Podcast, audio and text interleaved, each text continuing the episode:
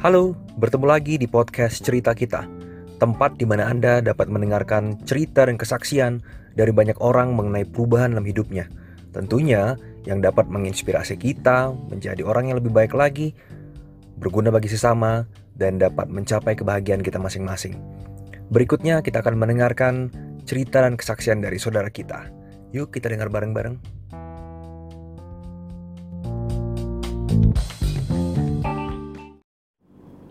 Shalom, saya Yuli Triposa. Saya anak kedua dari tiga bersaudara. Lebih dari 30 tahun dia dibentuk oleh Tuhan dalam kekurangan, dalam penolakan sejak kecil, bahkan sejak dalam kandungan. Dia bertumbuh menjadi seorang wanita yang penuh hikmat dan sukses dalam bisnis dan juga keluarganya. Apa saja yang dia telah lewatin dan apa saja yang bisa kita pelajari, kita dapat kesaksiannya. Mari simak berikut pembicaraan tersebut dengan salah satu bintang tamu saya di video berikut ini.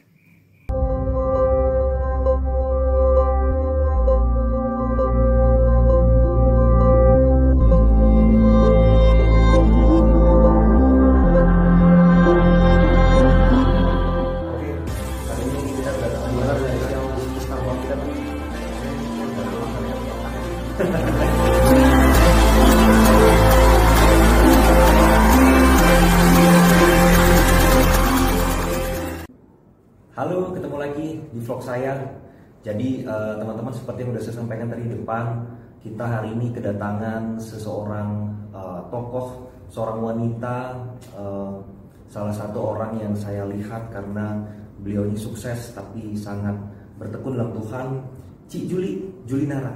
Halo, apa kabar Cici? Halo. Terima kasih sudah datang Cik ya Sama-sama. di vlog saya. Jadi seperti yang teman-teman udah tahu, kalau kita ini eh, saya ingin mengajak banyak teman-teman yang eh, sudah punya pengalaman, sudah sukses dalam bisnis ataupun pekerjaan untuk menceritakan kesaksian-kesaksiannya supaya kita mendapatkan berkat dari setiap video. Jadi bagaimana di zaman modern ini kita bisa mendapatkan sebuah konten yang bermanfaat untuk iman kita. Sekarang lagi sibuk apa aja, Ci? Ya seperti biasa selain mengurus rumah tangga, Hmm. saya mengontrol perusahaan-perusahaan saya, Hmm. juga banyak meeting, Hmm. Juga saya banyak menambah knowledge terus. Knowledge apa yang Ya. terakhir nih, Ci? Memang dipelajari memangnya. Yang baru selesai itu public speaking bersama Bang Coki. Bang Coki Sitohang. Ya. Oke. Nah, Nah sekarang saya lanjut Uh-uh. dengan karena saya sebagai pimpinan, Uh-uh. saya perlu mendapat knowledge lagi bagaimana menjadi pemimpin yang baik. Oke. Mm-mm. Nah sekarang kita mempelajari leadership. Leadership. Manajemen. Nah, Sekarang tuh memang lagi nanganin bisnis apa aja, Ci? Kalau boleh tahu. eh, sementara kan dari dulu saya memang senang di fashion, ada Mhm. sedikit-sedikit. Tapi tahun depan akan saya lebih kembangkan lagi fashion saya. Jadi Oke. tidak melulu di hijab, mungkin Mhm. nanti eh, di bagian clothing lain seperti yang seperti ini yang saya pakai ini. Oke, ini salah satu eh, bisnis salah sendiri ya, satu, ya? ya, clothing line. Oke. Nanti berdasarkan Julinara punya Oke. taste gitu. Nah, nah, tahun ini juga saya memang lagi belajar olah vokal. Mhm. Itu hanya juga hobi sih ya. Mhm. Dan ternyata menghasilkan juga. Saya Mhm. ini orangnya memang pembelajar. Oke. Sangat senang dengan belajar Ah. gitu. Mm. Dengar-dengar akan dengerin eh, akan keluarin lagu rohani ya, Ci ya?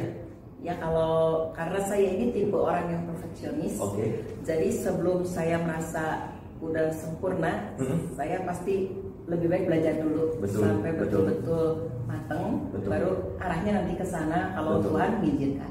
Betul. Kalau Tuhan mengizinkan. Ya. Nah, Ci, saya dengar-dengar nih bahwa sekarang kan Cici ini sudah sedang mencapai eh, salah satu puncak nih kesuksesan kalau kata orang. Jadi masuk diliput di beberapa majalah bisnis ataupun fashion yang terakhir misalnya seperti high end fashion dan juga di majalah kebaya betul Ci ya? Ya. Dan tapi saya tahu bahwa karena Cici pernah cerita bahwa apa yang dicapai itu kan bukan sehari dua hari ya Ci ya. Ya. Ada nggak sih Ci kesaksian yang bisa dibagikan kepada teman-teman nih yang ada sedang nonton di handphone, di laptop, di mana pun nih Ci? Bisa nggak sih cerita Ci perjalanan panjang seorang Juli Nara itu seperti apa sih? Kalau saya ceritain betul-betul banyak sekali Hmm. perjalanan saya dengan Tuhan. Saya sepertinya di satu titik menyadari bahwa saya memang sudah direncanakan oleh Tuhan Mm-mm. untuk dipakai dia dari sejak kandungan. Sejak kandungan. Nah, dulu saya nggak mengerti kenapa begitu. Jadi pada waktu di kandungan ibu saya tuh eh, karena ibu merasa dirinya sudah berumur, Mhm. jadi eh, tidak berani punya anak lagi gitu. Mhm. Karena Mhm. kakak-kakak saya tuh jauh umurnya di atas 10 tahun dari saya. 10 tahun berarti kakak yang di atas 10, 12, 13 gitu ya. Oh. Nah, eh, ke saya itu benar-benar jauh dan Mhm. ibu kebetulan udah umurnya hampir 40 waktu itu. Kan zaman dulu itu kan teknologi belum semaju sekarang. Betul, betul. Jadi berniat untuk dikeluarkan. Mhm. Nah berniat dikeluarkan sampai berapa lima bulan tetap nggak keluar padahal sudah makan obat-obat Hmm. keguguran. Dan dokter juga mengatakan ya ini untung sih kalau nggak cacat juga. Mhm. Ya ibu saya dulu kan belum mengenal Tuhan juga tapi mengenal kelenteng lah gitu, Oke. seperti itu. Jadi Ya. dia tiap hari berdoa. Mhm. Ya yang penting anaknya tidak cacat, yang penting anaknya keluar ya lengkap dan Hmm. sebagainya. Nah, ketika saya lahir, ibu senang sekali. Hmm. Saya berbeda dari kakak-kakak saya lain, saya putih sendiri, Hmm. jadi turunan dari emak, Hmm. dari emak, eh, dari mama, Oke. dari seperti tante. Dan kemudian eh, lahir tidak cacat, eh, tapi saya sakit-sakitan. Sakit-sakitan. Ya, dari sebulan paling saya sekolah tiga minggu, seminggunya Oke. saya tidak sekolah karena sakit, asma dan sebagainya. Dan tiap hari saya mendapat suntikan dari dokter. Setiap hari. Tiap hari Suntikan apa ya, Cik? eh, antibiotik. Jadi ketika mama lupa eh, ngasih obat, Mhm. segitu udah disuntik, saya jadi itu asmanya semalam nggak tidur. Mhm. Akhirnya jadi nggak sekolah. Nah seperti itu. Jadi selama lima tahun di dalam golden age, Mhm. biasanya orang itu harus dikasih vitamin dengan berbagai macam makanan bergizi. Mhm. Tapi saya sebaliknya, yang ada dipenuhi dengan obat dan vitamin. Eh, badan saya kurus sekali jadi jauh dari normal Mhm. dan dokter juga mengatakan ya asal naik kelas cukup tapi yang aneh Mhm. di antara empat anak saya justru yang juara kelas Juara kelas. Juara Mhm. berapa, Cik? juara satu kadang juara dua Oh, gitu. ya jadi itu saya lihat udah menabrak teori dunia Iya, saya aja yang dulu gemuk banget, Cik. Nggak masuk 10 besar.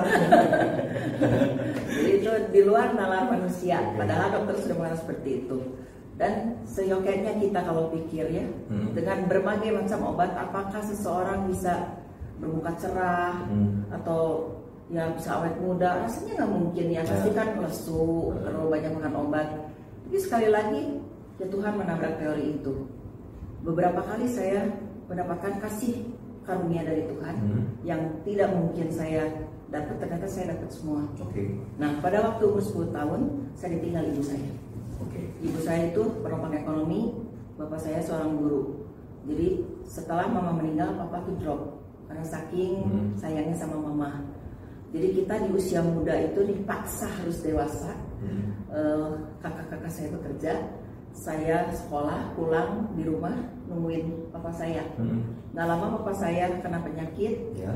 dan gue udah gak bisa apa-apa karena kena stroke jadi kita benar-benar adik kakak tuh nggak pernah main kami kami banting tulang untuk iniin papa Terus umur 10 tahun, Cik. umur 10 tahun saya dipaksa dewasa secara paksa Mhm. di situ saya jujur aja eh, agak marah sama Tuhan Mhm. kok Tuhan gak adil kok mama saya diambil padahal keluarga mama saya itu orang kaya semua Oke. cuma kita jadinya yang susah karena mama meninggal Oke. Nah dari situ kita diajar untuk tough, apalagi saya yang sakit-sakitan seperti ini.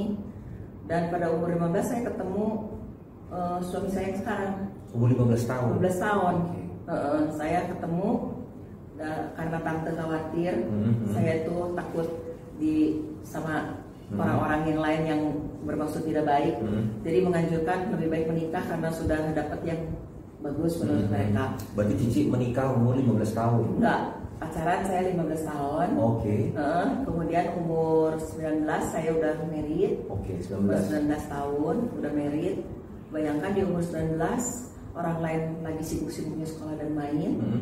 saya justru malah ketemu Ya. situasi yang belum waktunya Betul, betul. nah dari situ eh, sekarang berapa tahun saya menjadi pribadi yang sangat minder Hmm. yang sangat minder tidak berani apalagi seperti sekarang ya ngobrol di depan umum Hmm. atau apa saya menjadi pribadi yang bukan Yuli Oke. saya pribadi yang lain yang eh, kasarnya dilihat orang sepertinya keren dengan baju tapi Oke. dalam hati saya itu tidak ada gambar diri yang jelas berarti karena pada saat itu Cici ngerasa walaupun Mhm. sudah melewati masa-masa pada saat kehilangan mama, pada saat masa kecil itu dan sampai sudah uh, berkeluarga juga dengan Koko masih ngerasa bahwa gambar diri Cici itu belum tahu seperti apa Ci ya? Belum tahu. Jadi saya malah minder hmm. ketemu orang yang maksudnya dari segi materi hmm. yang tinggi, sedangkan saya kan bukan siapa-siapa. Hmm. Saya sekolah juga kuliah putus gitu ya. Uh, jadi selama sekian lama saya tutup dengan vision vision saya kebetulan saya memang senang vision okay. dari dulu dan bercita-cita menjadi model. Jadi model. Uh, uh, dari dulu. Okay. Nah tapi kan tidak kesampaian karena saya sibuk mengurus anak dan rumah tangga. Nah pada suatu saat saya mengenal Tuhan. Mengenal Tuhan tidak langsung, saya hmm. diproses langsung. 10 tahun setelah mengenal Tuhan, saya disadarkan ketika ikut pemuritan di satu gereja. Hmm. Di situ dikatakan bahwa ketika kita menyimpan satu kepahitan, uh, ketika kita tidak sadar Tuhan hmm. begitu ber, berharganya kita Betul. sampai dia mati buat kita di situ saya seakan disadarkan sama hmm. Tuhan ngomong jadi saya uh, ngomong sama Tuhan Tuhan kok saya itu saya menyimpan kepahitan karena mama meninggal di usia yang saya masih kecil hmm.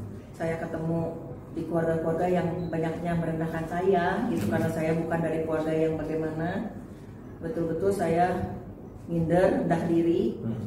hanya ditutup oleh vision saya yang keren karena saya memang suka vision, Betul. tapi sebetulnya di dalamnya rusak. Nah di situ saya disadarkan tidak akan diberkati. Hmm. Ketika pemulihan gambar diri kita belum pulih. Jadi ada kepahitan ya? Ya kepahitan. Ya. Jadi dari awal ada kepahitan yang belum disembuhkan. Belum disembuhkan. Ya. Sehingga ya. Cici ngerasa itu akhirnya saat nggak sadar itu tuh menjadi penghalang Cici untuk dapat sukses untuk bersyukur sama Tuhan untuk dapat melihat bahwa ibu Cici Juli pada saat ini adalah yang Tuhan inginkan. Cici Juli datang ke dunia ini memang karena ada suatu hal yang ingin Tuhan lakukan kehidupan. Cuma pada saat itu karena ada kepahitan Cici nggak sadar. Nggak mengerti ya. Okay. jadi satu kali di pemuritan itu saya mengerti tidak akan ada berkat ketika Tuhan eh, kita menyimpan satu kepahitan terus tidak menyadari bahwa Tuhan itu sangat menyayangi kita. Nah di situ saya nggak mampu sebagai manusia biasa. Saya meminta kepada Tuhan Tuhan mulai hari ini saya nggak mau. Saya pengen buang kepahitan. Saya pengen berharga di hmm. mata Tuhan. Saya pengen berguna, bermanfaat menjadi orang bagaimana ke depannya. Hmm. Nah di situ pelan-pelan tanpa saya e, karena saya udah bilang sama Tuhan tanpa saya usahakan nggak tahu kapan tahu-tahu hilang sendiri karena saya minta sama Tuhan kuasa itu jadi ketika saya dulu uh, dengan kekuatan sendiri saya nggak bisa. Tapi hmm. ketika saya meminta Tuhan saya mau, saya mau berubah. Betul. Nah di situ pelan-pelan Tuhan menyadarkan saya bahwa saya begitu disayangnya, hmm. bahwa saya sudah direncanakan. Kenapa saya dihajar di hmm. usia dini untuk kehilangan orang tua dan sebagainya. Akhirnya saya menyadari bahwa Tuhan lagi membekali ilmu hmm. yang begitu hebat kepada saya. Hmm. Saya menjadi pribadi yang sangat tangguh. Saya tidak tidak gampang bete dihina orang direndahkan orang karena sudah terlatih. Betul. dari dari kecil. Jadi apa pun saya terus maju. Nah itu sangat berguna buat saya. Ternyata saya baru nyadar Tuhan itu membuat ini benar-benar banyak sekali bergunanya. Ya, ya. Mm -mm. jadi dia ada maksud. Betul. Mm -mm. itu umur berapa Ci? Uh, bisa kita bilang itu lahir baru tuh Ci lahir baru ketika umur saya 40-an ke atas. 40 tahun, 40 nah, tahun ke atas. Okay. Nah, saya di situ udah sadar bahwa oh. saya harus bangkit. Hmm, hmm, hmm. Tidak boleh mengasihani diri sendiri terus. Hmm. Nah, di situ pelan-pelan Tuhan kasih powernya. Toto saya bisa segala macam. Padahal hmm. waktu pertama kali saya meeting tidak ada yang ngajar, saya tidak ada ilmu. Hmm. Saya meeting juga saya menangis kepada Tuhan, hmm. Tuhan lawan saya itu profesor, sedangkan saya tidak ada gelar. Hmm. Dari mana saya bisa dapat kemampuan. Yeah, yeah. Saya berdoa hanya Tuhan harapan saya. Saya berdoa dulu di, di toilet sambil nangis sebelum meeting. Dan anehnya di meeting saya bisa mengalir begitu yeah. hebatnya omongan saya. Saya pulang juga kaget, kok saya bisa ngomong begitu dan saya nyadar itu bukan saya. Ada sesuatu yang mendorong saya untuk berbuat itu yaitu Tuhan. Tuhan yang berbuat melalui saya. Dan terus dari step ke step selanjutnya saya merasakan sekali power itu ketika saya bersyukur oh Tuhan saya kenal ini anda hmm. makin terus kasih ya ya hmm. karena pada saat itu setelah hmm. Cici lahir baru Cici hmm. terus uh, belajar menekuni firman Tuhan dan Hmm. Cici meminta declare kepada Tuhan bahwa Cici ingin mendapatkan hikmat mengenai uh, kehidupan. Ya. Benar Cici ya? Betul. Dan ini memang benar teman-teman kalau kita sering uh, baca firman bagaimana Hmm. pada saat Musa itu diminta Tuhan untuk mengeluarkan bangsa Israel dari Mesir. Tuhan uh, Musa mengatakan kepada Tuhan bahwa saya tidak bisa berkata-kata lidah saya keluh, tapi kata Tuhan uh, menghadaplah Firaun nanti Tuhan yang akan memimpin lidahmu berbicara. Nah seperti itulah teman-teman kalau misalkan kita memang uh, punya kehidupan yang baik di dalam Tuhan, terkadang lidah kita pun itu bisa dipimpin Ya. karena Tuhan memberikan hikmat itu bukan karena kekuatan kita tapi ya purely it's from God. Ya. Oke, eh, jadi Ci kan saya dengar juga kalau Cici ini kan awalnya pada saat pertama dulu menikah sama Koko itu kan nggak langsung jadi pebisnis Ci ya. Ya. Jadi kan ibu rumah tangga dulu nih. Ya. Kapan sih eh, Cici akhirnya mikirin ah saya ini harus jadi pengusaha, pengen jadi seseorang eh, Julinara yang dari dulu saya inginkan itu kapan sih? Nah, sebetulnya saya pada waktu dengan Koko ada sedikit berbisnis, Hmm. tapi tidak patuh gitu seperti sekarang. Hmm. Karena saya mengingat pada waktu saya kecil itu betapa sakitnya saya nggak ada siapa-siapa di rumah. Hmm. Jadi saya nggak mau anak saya mengalami hal yang sama. Jadi saya hanya berbisnis kecil-kecilan dan cuma sekali-kali. Oke. Misalkan ngambil barang di temen saya jual sekali udah. Hmm. Nanti bulan depan ambil lagi gitu doang. Nah pada saat tertentu setelah anak saya kuliah, nah saya di situ mulai terus ada pergerakan satu. Saya tuh harus berbuat sesuatu. Saya tuh harus berbuat sesuatu. Nah saya pertamanya bingung visi saya apa gitu yang Tuhan mau tanamkan kepada saya. Saya di gereja dulu, oh kayaknya saya pelayanan deh. Hmm. Kayaknya saya harus begini deh. Saya harus begitu deh. Saya terus putar sana putar sini. Ternyata dikasih persoalan begini begitu begitu begitu. Putar-putar. Akhirnya nyampe juga. Dan saya sekarang sudah tahu banget bahwa saya dipakai menjadi public figure. Bahwa inilah dunia saya untuk pelayanan. Hmm. Karena setelah berjalan dari keliling sana sini, kok mentok sana mentok sini. Eh, saya di saat waktu itu bingung Tuhan tuh maunya apa sama saya. Akhirnya cita-cita saya yang kecil justru dimulai kembali. Ya itu Ci. Ya, Jadi itu apa? bermodel. Oke. Ya dari FM nih ceritanya. Oke. Ya saya bingung, saya tuh nggak suka masak bisa, tapi saya tuh bukan fashion masak. Saya tuh fashionnya di fashion, ya di fashion. Kok bingung kenapa Tuhan nyuruh saya FMI?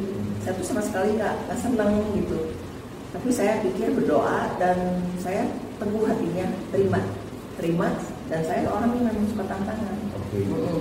Memang suka tantangan, jadi saya ambil dan ternyata ada hubungannya dari FMB itu diperlukan penampilan yang baik. Akhirnya ketemu juga karena saya di bagian marketing Hmm. harus berurusan dengan media. Akhirnya jadilah model yang dulu cita-cita dari umur 10 Tuhan begitu ajaib. Gak nyangka di umur yang sekian saya Hmm. bisa menjadi model. Padahal kalau di dunia artis entertain itu umur-umur yang sekarang seperti saya sudah laku Nah, ya tapi sekali lagi menabrak teori lagi nah Ya. itulah kalau bersama Tuhan apa pun menjadi mungkin ya betul. Mm. Bisnis Cici yang pertama itu apa Ci? Maksudnya yang berjalan sampai sekarang yang benar-benar Cici itu serius banget. Eh, dulu saya yang tidak jauh dari fashion waktu sekali-kali juga saya jual perhiasan Mhm. jual tas jual baju-baju nah yang ter, eh, benar-benar serius akhirnya di FMB FNB. ketika waktu itu saya mencari-cari berdoa ada teman saya kebetulan mengajak Mhm. dan mengajak kemudian ada yang mengajak lagi untuk tahun berikutnya Hmm. dan ternyata nyampe juga ke daerah Christian Mm-mm. Oke, dan dan tahun depan Cici berencana untuk membuka lini fashion sendiri betul ya Ci? betul ya Oke. Nah, Ci di tengah-tengah apa namanya perjalanan Cici yang dari memang kecil sampai sekarang itu kan udah puluhan tahun Ci ya. ya Jadi kalau menurut Cici, Ci, apa sih sebenarnya yang paling berharga dalam kehidupan ini Ci? Cici kan udah pernah ngerasain berada mungkin negatif mungkin ya, benar-benar kekurangan banget. Satu lagi mungkin di posisi di mana Cici sudah ngerasa ada berkelimpahan. Mm-mm. Sebenarnya apa sih yang paling berharga Ci?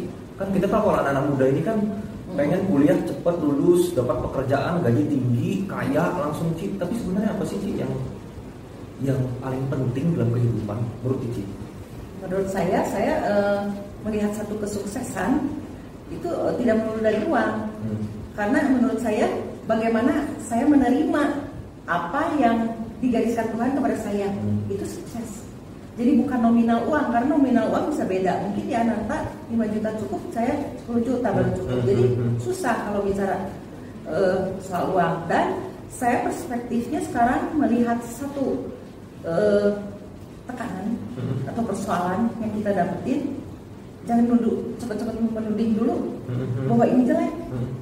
Ternyata setelah 30 tahun justru itu yang membuat saya sampai seperti ini karena 30 tahun yang lalu saya hidupnya seperti itu ya. kalau nggak nggak ada Juli Nala yang seperti sekarang betul, betul. ya gitu jadi yang penting ketika seseorang menerima persoalan ataupun sesuatu hal yang jelek janganlah memandang situ dulu kita hmm. lihat di nya apa dan ternyata saya juga kelihatan 30 tahun loh bukan waktu yang hmm, hmm. sebentar yang kan adanya Julina yang sekarang kalau saya waktu itu ada mama saya masih hidup mungkin saya dimanja banget. Hmm. mungkin saya sekarang gak akan jadi model udah dihina-hina orang aja udah kabur.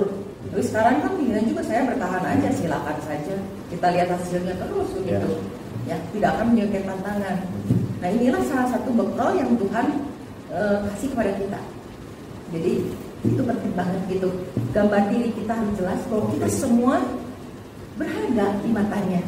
Tuhan menciptakan kita itu ada maksud dan tujuan ada maksud dan tujuan buat apa kita di dunia ini tidak sekadar kita hidup mencari uang tidak Tuhan itu ingin kita berkarya uang relatif ada orang dikasih satu triliun pun kita tidak happy betul, betul, nah betul. itu jadi di mana kita sukses itu di mana kita bisa menerima keadaan kita.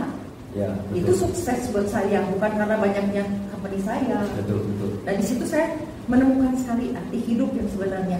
Mau susah, mau senang kita sangat bersyukur kepada Tuhan. Nanti kita lihat di endnya, pasti Tuhan ada maksud kenapa dikasih ini, kenapa dikasih itu. Jadi bagi teman-teman yang sekarang mungkin sedang ada masalah sama pacar, sama pekerjaan, Anda harus tahu bahwa uh, di balik itu, itu ya. akhirnya jalan Tuhan lah yang akan terjadi di kehidupan anda kalau teman-teman mengandalkan Tuhan ya. betul karena saya setiap mau ketemu orang juga selalu saya berdoa. Hmm. mau ngambil keputusan juga saya berdoa okay. gitu. Kadang-kadang saya dikasih kepekaan tertentu. Ketika saya dekat sama Tuhan dikasih kepekaan kok sini hmm. nggak ini nih nggak ini. Kok nggak nggak nyaman? Betul betul. Nah bayangkan kalau kita nggak ada Tuhan. Saya dapat masalah begitu besar. Kayaknya udah mundur dari kapan-kapan dengan situasi sekarang ngapain sih? Lebih baik saya main sama teman-teman saya tiap hari ngafe ke salon pergi ke luar negeri keluar kota. Tapi ada satu lagi beda gitu. Saya pemikirannya persepsinya diganti semua sama Tuhan. Cara pandang kita beda. Betul. Jadi teman-teman kalau kita bagi kita yang orang percaya pada saat kita declare kita percaya pada Tuhan uh, sang juru selamat kita Tuhan Yesus bahwa kita ini dianugerahi Roh Kudus. Nah, ya. Roh Kudus itulah yang akan menjadi roh penolong kita. Roh penolong kita pada saat Anda memikirkan sesuatu, sedang kesulitan atau apa, bahkan sedang berdoa. Tuhan Yesus mengatakan Roh Kudus ini akan menjadi representasinya dalam diri kita dan seperti yang tadi Cik Julia sampaikan bahwa pada saat dia ingin melakukan apa pun dia berdoa ini orangnya tepat atau tidak itulah dari Roh Kudus teman-teman jadi pada saat kita sedang apa pun yang terjadi permasalahan apa pun kembali doakan seperti Cijuli tadi ya toilet itu tempat yang bagus banget saya juga sering melakukan sih ya. jadi uh, pesan saya buat generasi muda huh? uh, setiap kita sebagai hmm. anak Tuhan Tuhan mau kita besar Tuhan mau kita besar mau kita besar hmm. sebesar yang apa yang kita mau hmm. jadi jangan mau yang kecil-kecil kalau saya bilang okay. kita harus bermimpinya yang besar hmm. dan harus berani melangkah dan jangan takut gagal karena eh, kalau dulu gagal satu malu mungkin ya kalau buat saya enggak itu pelajaran wah kita dapat ilmu kita lihat sukses, orang sukses yang di dunia ini sampai mencapai legenda hmm. itu pasti gagalnya apa yang buat kami betul betul gitu betul. jadi eh, jangan takut buat anak muda karena Tuhan mau kita semua sukses besar hmm. dan dipakai kapasitas sebesar besarnya mau atau tidak tergantung kita. Oke. Seperti yang uh, ayat kesukaan Cici ya, hmm. itu dari ulangan 28 ayat 13 saya akan bacakan teman-teman. Ya. Tuhan akan mengangkat engkau menjadi kepala dan bukan menjadi ekor. Engkau akan tetap naik dan bukan turun apabila engkau mendengarkan perintah Tuhan. Allahmu yang kusampaikan pada hari ini kau lakukan dengan setia. Jadi itu ya teman-teman bahwa Tuhan itu menciptakan kita anak-anaknya untuk dapat terus naik menjadi kepala bukan ekor. Tapi ada syaratnya. Syaratnya itu mendengarkan perintah Tuhan Allahmu dan dilakukan dengan setia. Betul sih ya? Betul. Jadi uh, maksudnya dekat sama Tuhan itu relationship. Hmm. Bukan berarti uh, mengatakan saya tuh orang yang paling suci, tidak pernah salah sampai sekarang pun saya berbuat kesalahan setiap hmm. hari. Tapi uh, maksudnya di sini hubungan kita dengan Allah kita seperti bapak dan anaknya. Jadi apa apa bilang, apa apa bilang sama Tuhan, ya saya juga masih merasa kesalahan ya saya akui itu kepada Tuhan. Gak usah terhadap manusia ya saya kepada Tuhan Tuhan saya salah. Ya Tuhan sangat sayang sama kita. Saya berbuat salah terus juga Tuhan tetap angkat gitu. Ketika saya terus memperkatakan kata-kata ini, firman ini dikatakan setiap hari yang positif-positif bahwa saya mampu, saya capable, saya cantik, saya awet muda, saya bisa. Dan itu kata-kata itu powerful. Okay. Kalau buat anak-anak Tuhan, ketika kata-kata negatif ya itulah imanmu. Betul betul. Saya nggak bisa, saya temu seperti sekarang ini. ya, Jadi teman-teman benar kata Cijuli bahwa uh, lidah itu punya kuasa.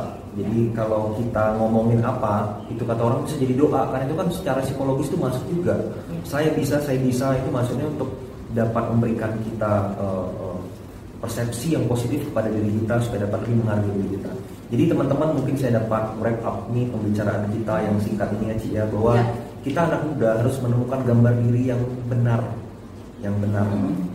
Jadi bukan yang baik ya, yang benar. Karena baru dari sana ya dari sana, awalnya yang betul, paling pertama awal. Betul.